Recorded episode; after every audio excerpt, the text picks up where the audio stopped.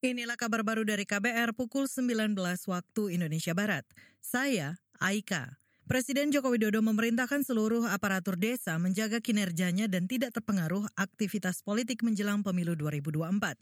Hal itu disampaikan Presiden saat meresmikan pembukaan Jambore Nasional Dai Desa Madani Parmusi di Taman Nasional Gunung Gede Pangrango, Cibodas, Cianjur, Jawa Barat hari ini agar tidak terjadi pembelahan dan perpecahan, agar terus terjaga suasana yang damai, agar juga pembangunan di desa juga terus bisa berjalan, tidak terganggu karena urusan politik. Presiden Jokowi juga mengatakan tahun ini pemerintah menganggarkan dana desa hingga 530-an triliun kepada lebih dari 70 ribu desa setanah air. Dana desa itu antara lain dimanfaatkan untuk pembangunan jalan-jalan desa dan embung air. Kita beralih saudara, nilai transaksi unit karbon pada hari pertama perdagangan hari ini tercatat lebih dari 29 miliar rupiah. Direktur Pengembangan Bursa Efek Indonesia Jeffrey Hendrik menjelaskan, total volume perdagangan tercatat lebih dari 459 ribu ton unit karbon dengan total 27 transaksi. Total ada 15 pembeli di Bursa Karbon Indonesia atau IDX Karbon. Sedangkan total penjual sebanyak satu pengguna jasa yaitu Pertamina New and Renewable Energy. Korporasi ini menjual unit karbon dari proyek Lahendong Unit 5 dan Unit 6 PT Pertamina Geothermal Energy.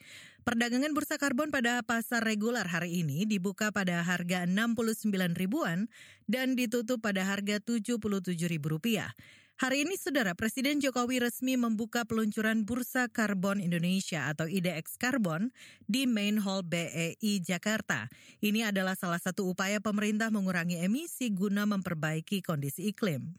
Kita ke Jawa Timur. Pemerintah Kabupaten Kediri hari ini menutup paksa aktivitas pabrik pengecoran beton milik PT Teratai Mekar Mix di Desa Sumberjo, Kecamatan Ngasem. Kepala Satpol PP Kabupaten Kediri Agung Nugroho menjelaskan penutupan pabrik sudah dilakukan beberapa kali.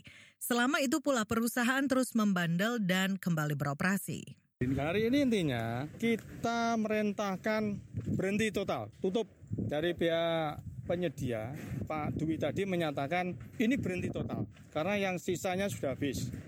Mulai sore nanti selo itu mulai dilepasi. Bin mixer juga sudah mulai dilepas.